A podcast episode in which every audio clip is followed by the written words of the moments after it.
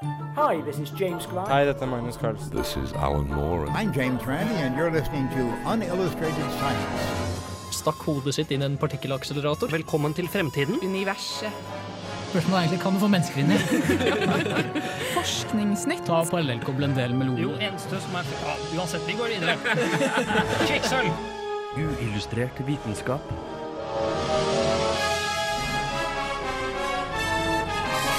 Science, it works, bitches.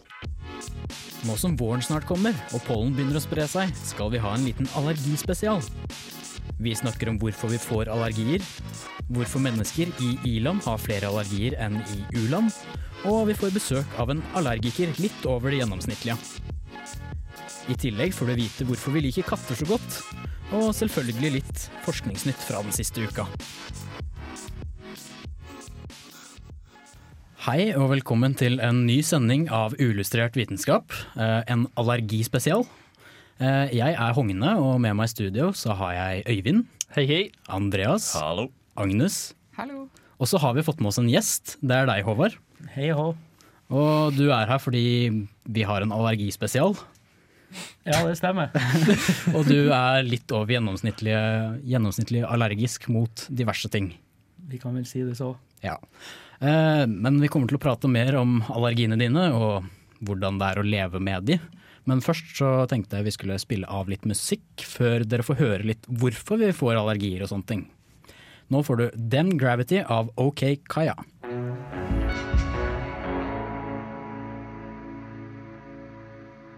Om vi ser bort fra Trondheim, hvor himmelen finner ut at det er på tide å snø litt mer og introdusere oss for vinteren vi aldri fikk, så begynner faktisk våren å komme. Temperaturen stiger, og ikke minst, blomster begynner å blomstre. For mange av oss er dette bare koselig. Men for noen er dette bare assosiert med én ting, nemlig pollen.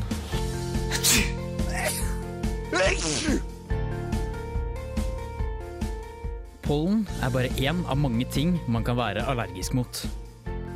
Man kan bli allergisk mot veldig mye rart, som støv, dyrehår, parfyme, nikkel og en massevis av stoffer man finner i diverse matvarer. Men hvorfor får vi egentlig allergier? Første gangen vi utsettes for et stoff, et potensielt allergen, settes immunforsvaret vårt i et voldsomt aktivitetsnivå. Antigener i kroppen vår suger opp det potensielle allergenet og presenterer det for immunforsvaret vårt. Om immunforsvaret vårt føler fare på ferde, så setter den i gang en produksjon av et antistoff, IGE, som spesifikt er laget for å binde seg og ta knekken på allergenet kroppen din nettopp ble utsatt for. Når du så ved en senere anledning blir utsatt for det samme allergenet, vil IGE-antistoffet forsøke å beskytte kroppen mot allergenet og produsere det betennelseshemmende stoffet histamin. Histamin gir deg alle de kjente symptomene som rennende nese, tett nese, hevelse i slimhinnen, kløe og nysing. Histaminet tar knekken på allergenet, og du unngår å bli veldig syk av det. Om allergenet var farlig for deg, da. Om allergenet i utgangspunktet var harmløst, som f.eks. pollen og dyrehår er, er det snakk om en overreaksjon fra immunforsvaret ditt. Og da har du offisielt fått en allergi. Ja, der håper jeg dere lærte litt om hvorfor eh, noen har allergier. Eh, Og ja eh, At rett og slett det er fordi immunforsvaret overreagerer. Men dette her kan kanskje du litt mer om, Håvard. Eh, Ja, først, uh, hvem er du egentlig? Uh, Jeg heter Håvard Snarby, en student på NTNU, studerer datateknikk. Mm. Ja. Og du er litt mer allergisk enn oss andre. Ja, man kan vel si det så. Ja. hva er det egentlig du er allergisk mot? Eller er det bare et dumt spørsmål? Hva er det du ikke er allergisk mot? Eh, Jeg er allergisk mot ganske masse. eh, For det meste matvarer og ja, dyrepels og litt mot pollen og ja, sånne småting. Så hvis jeg f.eks. sier hvete, uh, er du allergisk mot det? Det er jeg veldig allergisk mot. Ok. Eh, Eh, alle andre typer korn? Som jeg vet om, ja. Men du sa, du sa jo også at du er litt allergisk mot pollen. Jeg føler at jeg er litt allergisk mot pollen. Du, Ja, det som er spennende her, er jo hva som kan drepe deg. ja pollen kan ikke drepe meg, for å si det sånn. Vi, vi kommer vel kanskje til dette etter hvert, men eh, melk, kan du få i deg det? Eh, Melk Jeg er allergisk mot melk, men eh, det er ikke veldig ille reaksjon av det. Nei, så, men du kan spise sjokolade eller ikke? Jeg kan spise sjokolade, men jeg blir dårlig av det. Um, Og jeg synes, ja, jeg, jeg er såpass dårlig at jeg blir ikke å nyte en sjokolade, for å si det sånn. Nei. Uh, men hvis vi f.eks. bytter om til soyamelk, da. Funker det? Jeg er allergisk mot soya. Ja. uh, men uh, kjøtt, er du allergisk mot det? Ikke allergisk mot rent kjøtt, nei. Men med en gang det kommer noe ekstra, så Ja, Noe krydder eller noe saus, så blir det fort litt verre. ja. Og fisk? Fisk tåler er jeg litt usikker på. Eh, De, de sier av og til at jeg tåler, og av og til ikke.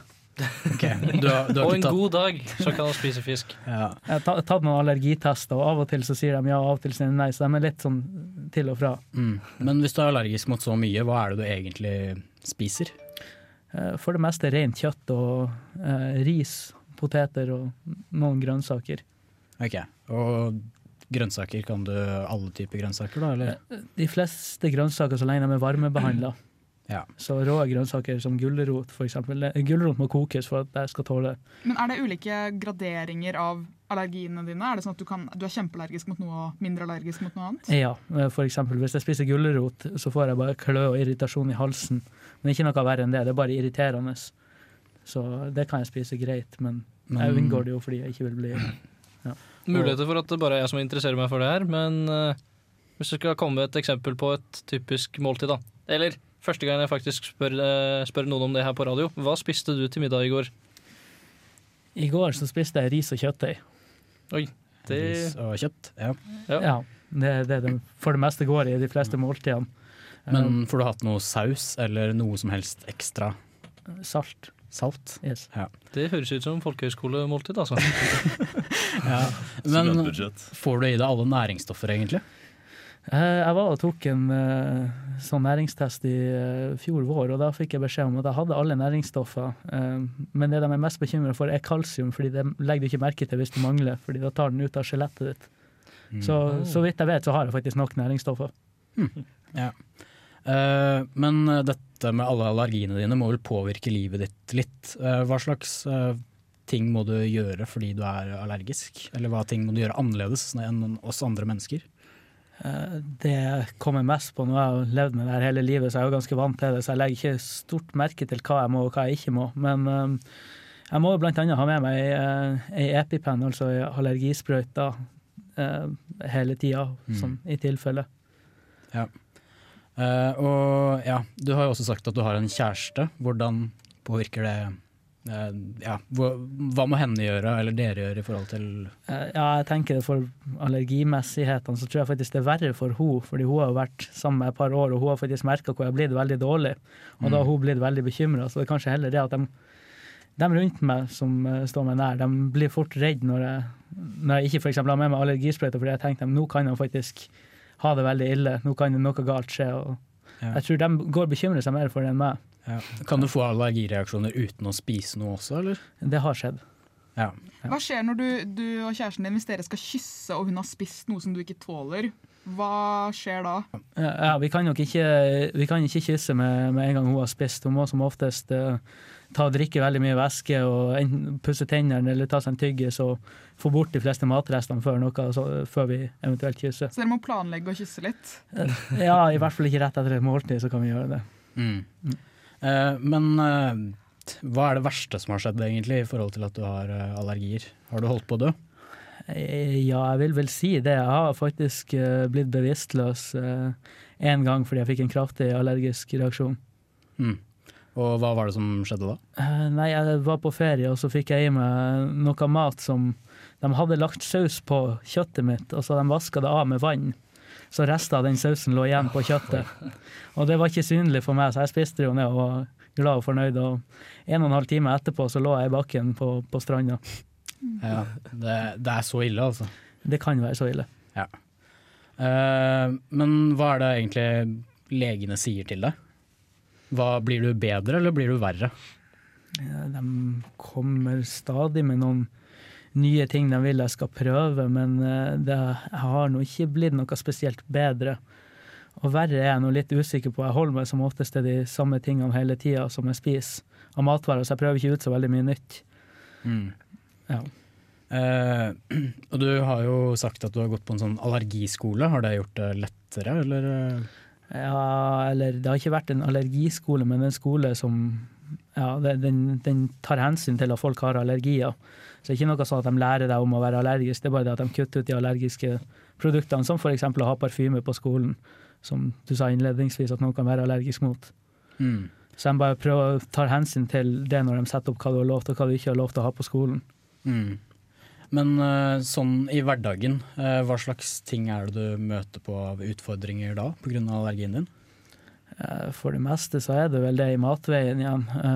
Det eneste jeg kan spise nå, er varme måltider, som som oftest blir ris og noe kjøtttype. Så eh, det er et styr å måtte lage varmt måltid til hvert en, hver, hver eneste gang du skal spise. Du må stå opp litt tidligere og planlegge, planlegge å lage et varmt måltid. da. Det tar litt lengre tid enn å skjære brødskiver, f.eks. Ja. Og så fortalte du oss at uh, det skjedde noe i går. Du har ennå ikke fortalt noen av oss hva som skjedde, så vi er veldig spente vi også, og eh, kanskje lytterne også. Ja, det, I går så var jeg hos legen. Jeg var der klokka åtte på morgenen, det er veldig tidlig.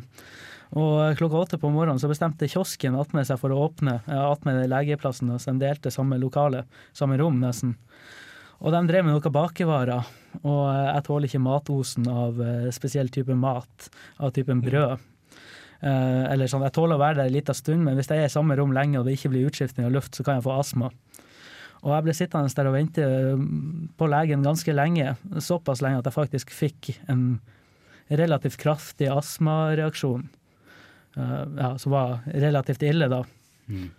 Så det er jo en av de utfordringene jeg har. da. Også, um, jeg har jo astmamedisin med meg som jeg tok, og det tok jeg ganske mye av også. så at jeg ble, altså Du får bivirkninger av å ta for mye eksempel astmamedisin. Du får, får noe som heter hjertebank, at hjertet rister, eh, banker veldig fort. da. Og selv om du tar astmamedisin, så går ikke astmaen helt bort. Så slet litt med det resten av dagen, selv etter at jeg dro derfra. Ja, For det høres ut som en veldig liten ting, egentlig, bare at du får i deg noen dufter. Ja, Men eh, det er nok på en måte til å gjøre deg veldig dårlig. Ja, det har du rett i. det Spesielt for eksempel etter at jeg hadde astma, å prøve å gå opp en oppoverbakke etter det er ikke så veldig, så veldig Mm. koselig. Ja, eh, Vi skal videre i sendingen, men eh, du får lov å være med oss eh, videre, Håvard. Eh, snart så skal vi prate litt mer om rare allergier, men først så får du No Control av Bokassa.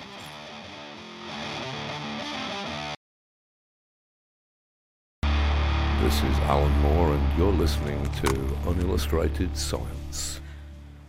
Ja, da skal vi prate litt om eh, noen rale, rare allergier. Eh, det kan plutselig hende at du har noen av disse her, eh, Håvard, men eh, jeg håper nesten ikke det, for at disse her er, høres veldig slitsomme ut. da.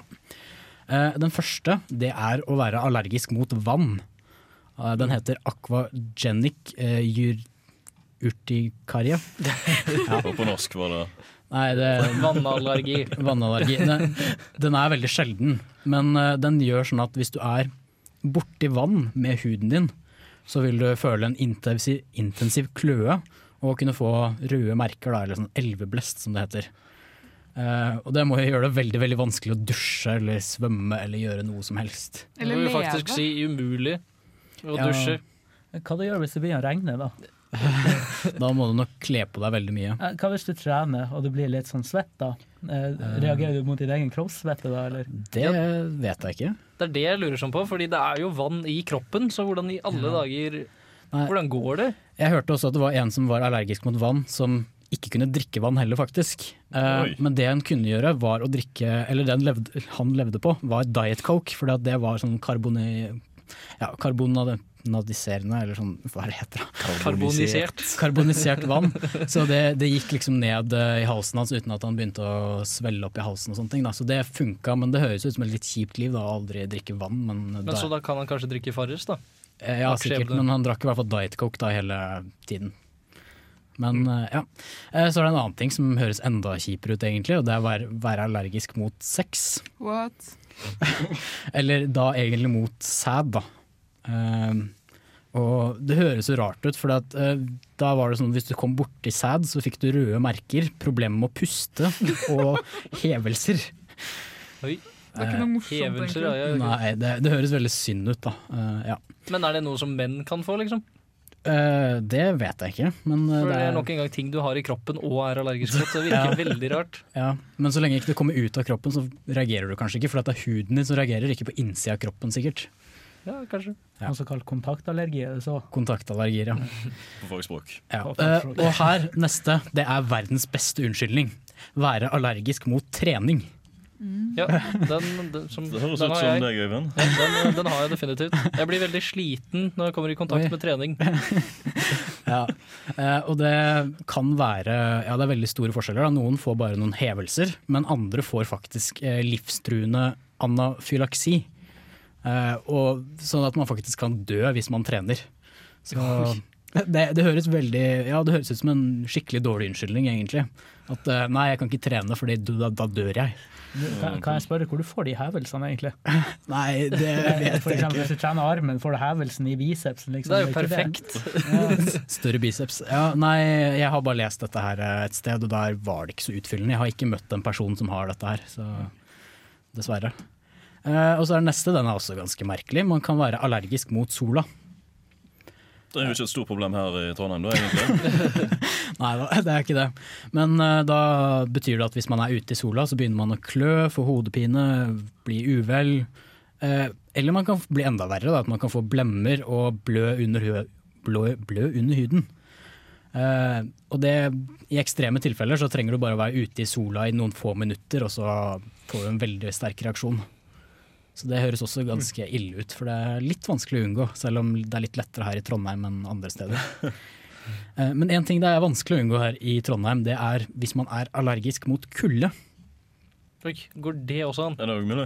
Det er også mulig, ja. Eh, Da kan man begynne å klø og få rødhet og hevelser. Og hvis man har en enda verre en, har en litt mer ekstrem eh, allergisk reaksjon, så kan man besvime eller få sjokk eller dø. Man kan dø av kulde. Men er det en faktisk allergisk reaksjon, det her? Eh, ja, fordi det er, ikke, det er ikke sånn at man dør av kulde på den normale måten, at Nei, nei. eh, det er så kaldt, men det er bare litt kaldt, og så dør man fordi immunforsvaret setter i gang en eller annen reaksjon som gjør at du skal dør. angripe kulda eller noe sånt? Ja, nei, jeg vet ikke. Eh, og helt til slutt, eh, da er den, den verste jeg har funnet. Eh, det er en som heter Caleb uh, Bussenskott. En, eh, eh, han heter sikkert noe helt annet, for han er australier, og det var ikke veldig australsk, den aksangen. Det er aksenten på et norsk forsøk på fransk. egentlig. ja. Eh, Han er allergisk mot alt av matvarer, unntatt vann. Eh, ja, eh, og han er verre enn deg, Håvard, faktisk. Eh, han kan da få i seg, Det eneste han kan få i seg, er vann, is eh, og én spesifikk merkevare, lemonade. Eh, og hvis han får i seg noe annet, så får han ja, smertefulle mageproblemer, oppkast, magesår. Eh, og det er ganske synd på han, for at han ligger og må mates med et rør, for at han får jo ikke i seg næringsstoffer fra vann i 20 timer i døgnet. Så han har nok et litt tristere liv. Du har ikke det så ille, Håvard. Nei, jeg har nok ikke det. Det er 20 timer eting per dag, det høres jo ut som en de de spiser bambus 20 timer i dagen for å holde seg levende. Ja. Eh, ja. Uh, nå skal vi snart prate litt mer om hvorfor uh, i-land har mer allergier enn det de har i u-land. Uh, men først så får du Backpack People av Chris Weismann. Litt jord har aldri skadet noen. Ikke bare det, men det kan faktisk ha seg slik at det forhindrer oss fra å utvikle allergier. Allergier oppstår når kroppen blir utsatt for det som som oftest er ufarlige stoffer, men som kroppen tror er farlig. Og når kroppen angriper dette stoffet, oppstår en allergisk reaksjon. Allergier er ikke noe man er født med, men noe som kan utvikles når som helst. F.eks. hvis man blir eksponert for et stoff i en svak tilstand, gjerne etter infeksjoner eller lignende. Siden etterkrigstiden har forskjellige typer astma, allergier og eksem poppet opp i de mer velutviklede landene i verden. Grunnen til dette er det ingen som er helt sikre på, men mange hypoteser har blitt framlagt, og de siste årene er det særlig én av disse som har blitt stadig mer underbygd av statistiske data. Nemlig den såkalte hygieneallergihypotesen. Denne sier at immunforsvaret i ung alder er avhengig av å bli eksponert mot bakterier og parasitter for å fungere riktig, og at den økte mengden av allergier i vestlig befolkning hovedsakelig kommer av en økt renslighet i levestandard. Renere drikkevann, vaksiner, medisiner og tettere vinduer er alle faktorer som minker eksponering mot bakterier og parasitter. Likevel kan man ikke si sikkert at dette er tilfellet. For selv om mye av statistikken stiller seg på samme side som hygienehypotesen, så er det også noe av den som stiller seg på den andre siden. Mer spesifikt ser man mange tilfeller av astma i flere søramerikanske land med høye infeksjonsrater, som Peru og Brasil, uten at noen helt kan forklare hvorfor. Til tross for dette tenker du derimot kanskje at du skal ut og rulle deg i gjørma, og heretter bare drikke vann fra takrenna. Det skal du for all del få lov til, uten at det sannsynligvis vil hjelpe mot allergier, med mindre noen av en eller annen grunn har puttet allergimedisiner i takrenna di. Men er du riktig uheldig, kan du faktisk støte på bakterier som bare gjør situasjonen verre, og i verste fall gir deg astma istedenfor å kvitte deg av med den. Ja, der fikk dere høre hva hygienehypotesen gikk ut på. Uh, og Øyvind, kan sånne allergier være genetisk? Altså, det er naturligvis Det kommer litt an på hva man mener med genetisk. Uh, fordi hvis, for, hvis foreldrene dine har mange allergier, så er det større sjanse for at også du får allergier. Men hvis du tenker sånn uh, at det f.eks. er i Finland, så er det veldig mange flere allergier enn det er i Russland, selv om de er, har samme genetiske bakgrunn. Mm. Men eh, Så på den måten da, så ser det jo ut som at det ikke er genetisk. Ja. Eh, Håvard, har du foreldre som er eh, også allergikere? Eh, ja, begge mine foreldre var veldig allergiske som ung. Ja, Så dette her at det er genetisk, det støtter du opp om? Ja, absolutt. Ja. Ja, men det er faktisk Jeg har, jeg har flere eksempler, altså. Det Mhm. er f.eks. afroamerikanere. Eh, De er jo også mye mer allergisk enn afrikanere er. Og de mm. har jo helt klart eh, samme genetiske bakgrunn. Og så har du også de her eh, Jo, innflyttere fra, fra u-land, hvor du ikke har så mye allergier, som flytter til i-land med mange allergier. Barna deres får også mye allergier. Ja, De er ikke det vant til det rene miljøet vårt, da. Ja, det, det man tror, i hvert fall. Det er vanskelig å si. Altså, hvorfor skal det hjelpe hvis visstnok blir eksponert for bakterier? da? Det Man er ikke helt sikker. Man har noen teorier. Man tenker at det har litt med evolu evolu ble, evolusjon å gjøre. Unnskyld. Eh, fordi vi har Vi har eh, evolvert ved siden av dem og utviklet oss ved siden av disse bakteriene. Så da tenker man at det, det er et eh, symbiotisk forhold. At eh, vi har inngått et samarbeid, sånn at vi hjelper dem med forskjellige ting, og så hjelper de oss med å utvikle immunforsvaret vårt. da. Men eh, hvorfor blir vi egentlig eksponert for færre bakterier nå enn tidligere? Jeg nevnte jo noen grunner i reportasjen min, men det er, det er ganske mye forskjellig man tenker da. Eksempel, man tror at TV-en har veldig mye med saken å gjøre. Fordi barn sitter mye mer inne enn før. Og det er jo flere bakterier ute, naturligvis. Eh, så man blant annet ja, Altså Før var det jo mange flere bakterier inne, men nå har vi også fått tettere vinduer og tettere dører, så det blåser ikke like mye inn lenger. Da kommer det ikke like mye bakterier. Uh, og det henger for så vidt, denne TV-tittingen henger også sammen med astma, tror man da. Fordi det viser seg at man, eh, man puster ut mindre når man ser på TV enn når man leser en bok, f.eks. Og da får du ikke pustet ut alle disse bakteriene som kan gi deg astma. Ja. Og etter krigen så har det også vært mye flere allergier. Hvorfor det? Eh, Det er jo, altså Hvorfor det er man jo ikke helt sikker på. Nei. Det er jo det denne hygienehypotesen handler om. Ja. At man tror kanskje at det har med denne rensligheten å gjøre. At man ikke blir eksponert for nok bakterier og parasitter. Men uh, det er litt vanskelig å si. Eh, Noen tror også at det er det at medisin har blitt bedre. Sånn at man legger merke til flere typer allergier.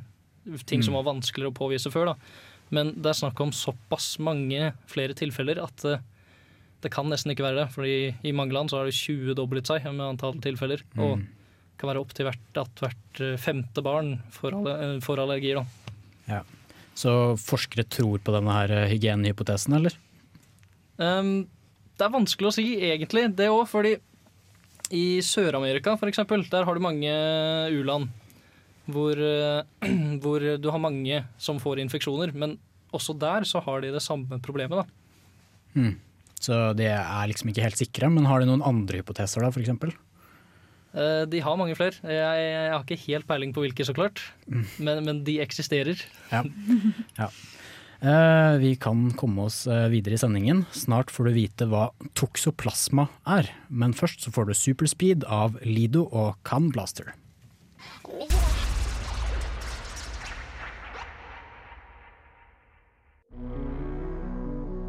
I år har YouTube tiårsjubileum. Etter 60 år med informasjonsteknologi har den digitale revolusjonen ført oss til Facebook, Twitter, Instagram og ikke minst en stor diversitet av korte filmer om katter som gjør rare ting.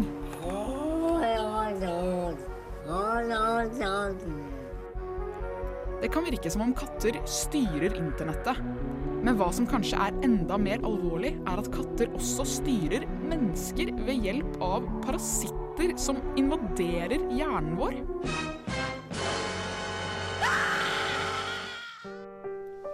Trodde du at dette var tull? Det er det slettes ikke. Toxoplasma gondi er en encellet parasitt som kan forårsake sykdommen toxoplasmose hos både mennesker, husdyr og ville dyr. På verdensbasis er rundt 30% av alle mennesker infisert av denne parasitten. Nesten utelukkende pga. smitte fra helt vanlige huskatter. Og ett av yndlingsstedene til denne parasitten er hjernen. Det er som regel vanskelig for sykdomsfremkallende små skapninger å nå helt inn i kroppens kommandosentral, men den bitte lille halvmåneformede toksoplasma er et unntak. Den klarer ikke bare å trenge seg inn i sentralnervesystemet, men den ser også ut til å trives der. Og der gjør den veldig skumle ting. Forskere har funnet ut at rotter som er infisert med denne parasitten, ikke er redd for katter. Mens de vanlige rottene frykter lukten av katt, vil de infiserte rottene føle en tiltrekning, faktisk en seksuell tiltrekning, av lukten av katteurin. Når parasitten kommer til andre verter, f.eks. oss mennesker, trigger den de samme mekanismene. Vi liker katter og bruker gjerne masse tid på å observere dem på internett.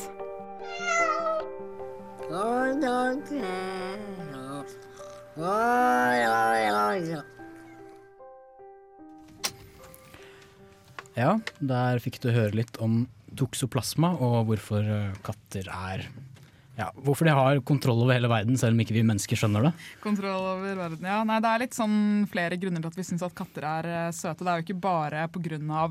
Uh, denne parasitten, da. Eh, men det som er med den parasitten er at den lever i veldig mange huskatter og rotter. Der hvor den eh, finnes naturlig. da. Men så er det jo slik at vi har tatt katter til husdyr. Og da har den parasitten kommet inn i mennesker. Og så vet vi at den kryper opp i hjernen vår eh, og inn i det senteret som har med motivasjon å gjøre. da. Eh, fordi den slipper ut neurotransmitter i hjernen vår og kan styre dopaminutskillelsen. da. Og det kan jo påvirke hvordan vi føler oss, hvilke beslutninger vi tar. og litt sånn forskjellig. Så man kan jo si at de på en måte styrer oss litt. da. Og det Mm. passer jo veldig godt til kattens personlighet, med at den er litt sånn konspiratorisk og ser på oss. Det passer liksom litt godt da, til, eh, til hvordan katter er. Mm. Så de er litt mer kontrollerende enn det vi tenker. Ja, det jeg har ikke ikke lyst på katt allikevel, altså. Eh, det er også påvist at de som er smittet av eh, toksoplasmose, da, har 2,65 ganger så stor eh, risiko for å dø i trafikkulykker. Eh, men eh, toksoplasma, jeg antar at det har en større effekt i rotter enn det det har i mennesker. Ja, men rottehjernen og menneskehjernen er ikke så veldig forskjellige. da. Man har jo ikke, vist, har jo ikke kunnet påvise atferdsendringer helt 100% sikkert, da. men det er gjort studier som viser en korrelasjon mellom eh, toksoplasmose og bl.a. schizofreni. Og svekket reaksjonsevne, og også selvmord. Så det er veldig seriøs, eh, Wow. seriøst det her, altså. Ja. Eh, men vet vi hvorfor de produserer dette stoffet? Det som er, er jo det at det skulle være en perfekt sirkel da, fra eh, katt til rotte og så videre til katt igjen, da, når katten spiser den rotta. Men så har den jo spredd seg til mennesker. Det er jo veldig vanlig at parasitter har flere verter. Men så skal det jo også sies da at det er ikke, de har funnet ut at det, det, ikke er det er ikke så farlig for de som ikke er gravide eller har veldig dårlig immunforsvar. da. Eh, og så er det jo fra avføringen, da, ikke fra selve katten. Så for oss som ikke spiser katteavføring, så skal det gå greit. ja. Eh, og hvordan gjør egentlig denne parasitten at vi blir mer eh, glad i katter? Den slipper ut eh, neurotransmitter og styre dopaminutskillelsen. Det er jo det belønningshormonet da, som gjør at vi føler oss bra.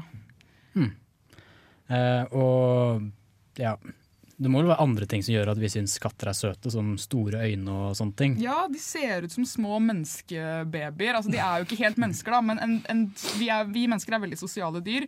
Og de har jo funnet ut at en veldig stor del av vår hjernekapasitet går ut på å trekke hva andre holder på med. Og når vi da ser dyr som gjør ting som ligner på mennesker, deriblant den der katten da, som sier sånn Å, Long Johnson, det høres ut som den snakker. ikke sant? Det syns vi synes det er kjempeinteressant. da. Vi lurer på hva motivasjonen bak er, og vi ser mønstre da, som ligner på menneske, menneskelig atferd. Ja. Nei, for Jeg har alltid tenkt at det er kattene som har kontrollen, for det er de som slapper av hele livet. Mens det er vi mennesker som faktisk må jobbe. Og de får jo all maten eh, servert og alt mulig rart. Så det er de som lever det gode livet, ikke vi mennesker. Jeg kommer aldri til å se på katter på samme måte igjen, i hvert fall. Nei, eh, nå skal vi snart få litt eh, forskningsnytt, men først så får du låta 'Men kjære deg, du brenner jo' av Blomst.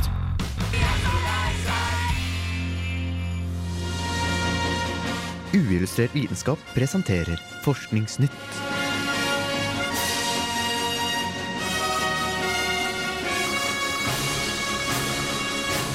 Forskningsnytt.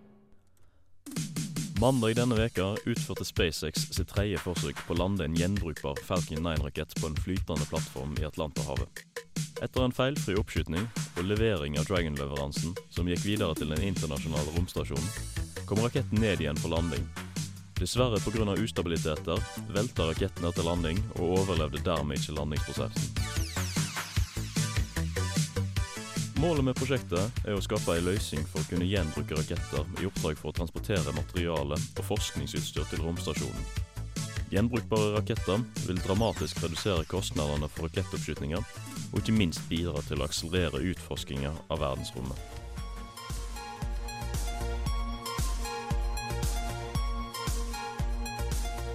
Flytende vann på Mars. Forskere har sett mange tegn på at det er vann i fast form ved polene på Mars, og vanndamp i atmosfæren. Men flytende vann har vært vanskelig å finne bevis for. Vanskeligheten med å finne flytende vann på Mars er fordi overflatetemperaturen gjennomsnittlig ligger på minus 30 grader celsius, og pga. et lavt lufttrykk. Til tross for dette har likevel NASAs Curiosity Rover funnet resultater av at flytende vann samles i bakken på Mars om natta. Curiosity sine funn viser at vannet kan samles inn når det er flytende, før det fordamper om dagen. Forskere håper derfor på at vann en gang i framtida kan bli samla inn av astronauter i større skala for å sikre drikkevann på Mars.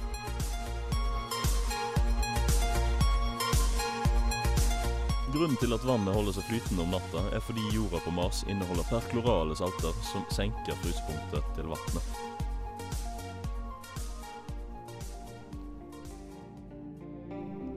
En studie fra universitetet i Quebec viser at prokrastinering ikke er bra for hjertet ditt. I studiet fikk en gruppe friske personer og en gruppe personer med kardiovaskulære problemer og høyt blodtrykk utlevert en mengde spørreundersøkelser designet til å måle i hvor stor grad de utsatte ting. Resultatet var at personer med hjerteproblemer oftest var de som utsatte ting. Ja, der fikk du ukas eh, forskningsnytt. eh, og den første saken du pratet om, Andreas, det var SpaceX, som har launcha Ja, de har launcha sitt tredje forsøk på Falcon 9-raketten, som skal levere ressurser og forskningsutstyr til den internasjonale romstasjonen. Mm. Og det, det transporterer en Dragon-pode, på en måte. Den heter Dragon. Med 4000 pund med utstyr som skal opp til stasjonen. Mm. Deretter skal denne Falcon 9-raketten som skyter det opp, den skal ned igjen og lande på en plattform i Atlanterhavet. Ja. Og du kan se for deg Det altså det er en, Sammenlignet med en 14-etasjers bygning, cirka, det er høyden på raketten, med én motor som skal lande ifra ytterst i uh, stratosfæren og helt ned på en flytende plattform. Og se for deg, altså Du skal balansere en, uh, et kosteskaft laga av gummi på neven din i en storm. Ja. Det, det sammenligner SpaceX-prosjektet med. Mm. Ja, for jeg har, sett den, eh, jeg har i hvert fall sett én av de launchene, eller de forsøkene de hadde, og det Ja. var når den eksploderte. Ja, jeg så det. Det var i eh, forsøket deres i januar nå i år, mest sannsynlig. Da eh, kom raketten litt for skeivt inn på landing og eksploder eksploderte momentant når den traff plattformen. Ja. Det kan vi jo kanskje legge inn på Facebook-sida vår òg, for det Ja, er ganske. Det, spektakulært. um, han, eh, I- Elon Musk han har publisert uh, poster jo ting på Twitter-kanten sin hele tida, så eh, det kom jo opp der. Denne Mm. gangen så var det så nærme at han nesten klarte å lande, men uh, pga. litt grann ustabiliteter med vinden i, akkurat i landingen, så velta han etter landing. Og dermed eh, ble han så skada at han ikke kunne brukes flere ganger. Eh, og det andre du pratet om, var eh, den her Mars Rover, som har funnet flytende vann denne gangen, ikke bare fast. sant? Altså, for eh, du har jo, De har funnet spor etter flytende vann. Eh, erodering i steiner, erodering i sanden, som kun kan komme pga. vann. Men nå har de faktisk funnet flytende vann i fast form. Det er, ja, hallo. Eh, flytende vann i væskeform eh, i eh, jorda på Mars. I bakken, altså. Og det håper forskerne at de kan bruke til å altså, utvinne senere. Til Mm. når de skal mm, altså, ha astronauter på planeten, rett og slett. Ja, når de skal få opp dette økosystemet og sånne ting. Ja. Ja. Og det er jo, mm. altså, Grunnen til at det er så veldig vanskelig eh, for å finne vann i flytende form, der er jo helt klart pga. at det er så kaldt, og òg pga. det mm, altså, lave lufttrykket der. Så det er vanskelig for vann å holde seg i flytende tilstand. Mm. Det er jo is ved polene, selvsagt, og eh, vanndamp i stratosfæren, i hvert fall om dagtid. Så det, dette her er det at eh, om natta så havner, eller kommer samles vannet seg i bakken, da. Mm. Eh, og så har du den siste tingen, som er litt eh, dårlig nytt for alle av oss som prokrastinerer. Ja, du, får, dessverre. dessverre, dessverre. du får et dårlig hjerte. Ja, altså Det viser seg jo da at altså, Dette kan jo være sammenlignet med at personene med dårlig hjerte, dårlig helse, altså de trener jo ikke. Kan jo hende. Og eh, altså Nei, jeg skal trene i morgen. Nei, nyttårsforsettet tar det da. Jeg tar det neste nyttår. Tar det neste år. Så, I stedet for å bare faktisk gjøre det, for det er jo helt klart fysisk aktivitet, aktivitet har jo veldig masse å gjøre med eh, Altså en veldig stor korrelasjon til helse. Det er jo ikke bare det at du utsetter ting som å utsette skole. Ja. Eh, vi må forte oss videre i sendinga. Nå får du 'Mamma Said' av Randy Valentine. Ja, da var vi kommet til eh, enden på denne her sendinga. Eh, vi har vært veldig mange her i studio, så det er veldig mange som må si ha det. Eh, eh, ja, takk til deg, Øyvind. Vær så god. Og Andreas. Bare hyggelig. Og, og Agnes. Ha det bra. Og så må vi selvfølgelig takke vår gjest i dag, Håvard. Jo, takk for at jeg fikk komme, det var koselig. Ja, jeg håper det var koselig. Så må vi selvfølgelig også huske å takke teknikeren vår. Eh, mitt navn har vært Togne, og vi ses neste uke. Sjalabais.